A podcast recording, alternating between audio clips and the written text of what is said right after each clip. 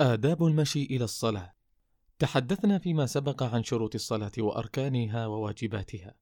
ونتحدث في هذا اللقاء عن آداب المشي إلى الصلاة. فيجب على الرجل المسلم أداء الصلاة في جماعة لقوله تعالى واركعوا مع الراكعين ولما رواه مسلم في صحيحه أن النبي صلى الله عليه وسلم قال ولقد هممت أن آمر بالصلاة فتقام ثم آمر رجلا فيصلي بالناس ثم أنطلق معي برجال معهم حزم من حطب إلى قوم لا يشهدون الصلاة فأحرق عليهم بيوتهم بالنار. ويستحب أن يأتي إلى الصلاة متوضئا وعليه السكينة والوقار لقول النبي صلى الله عليه وسلم إذا أقيمت الصلاة فلا تأتوها وأنتم تسعون ولكن ائتوها وأنتم تمشون وعليكم السكينة فما أدركتم فصلوا وما فاتكم فأتموا. متفق عليه. وإذا أراد أن يدخل المسجد قدم رجله اليمنى وقال اللهم افتح لي أبواب رحمتك. رواه مسلم.